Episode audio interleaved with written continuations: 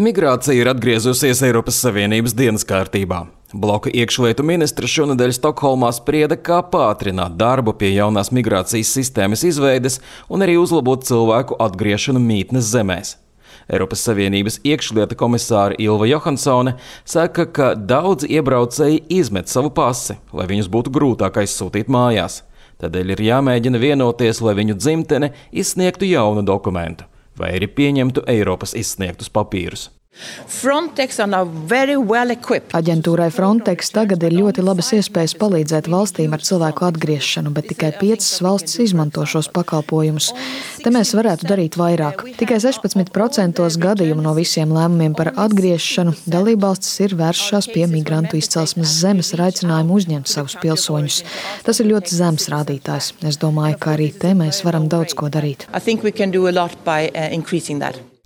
Vairāku valstu, tostarp Latvijas politiķi, mudina piedraudēt ar vīzu režīmu izmaiņām un finanšu palīdzības samazināšanu tām valstīm, kas nevēlas uzņemt savus izraidītos pilsoņus.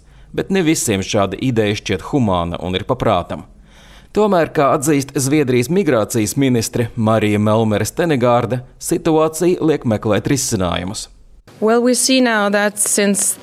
pandemic... Kopš pandēmija ir vairāk vai mazāk beigusies un robežas atkal ir atvērtas, ir vērojams liels cilvēku pieplūdums.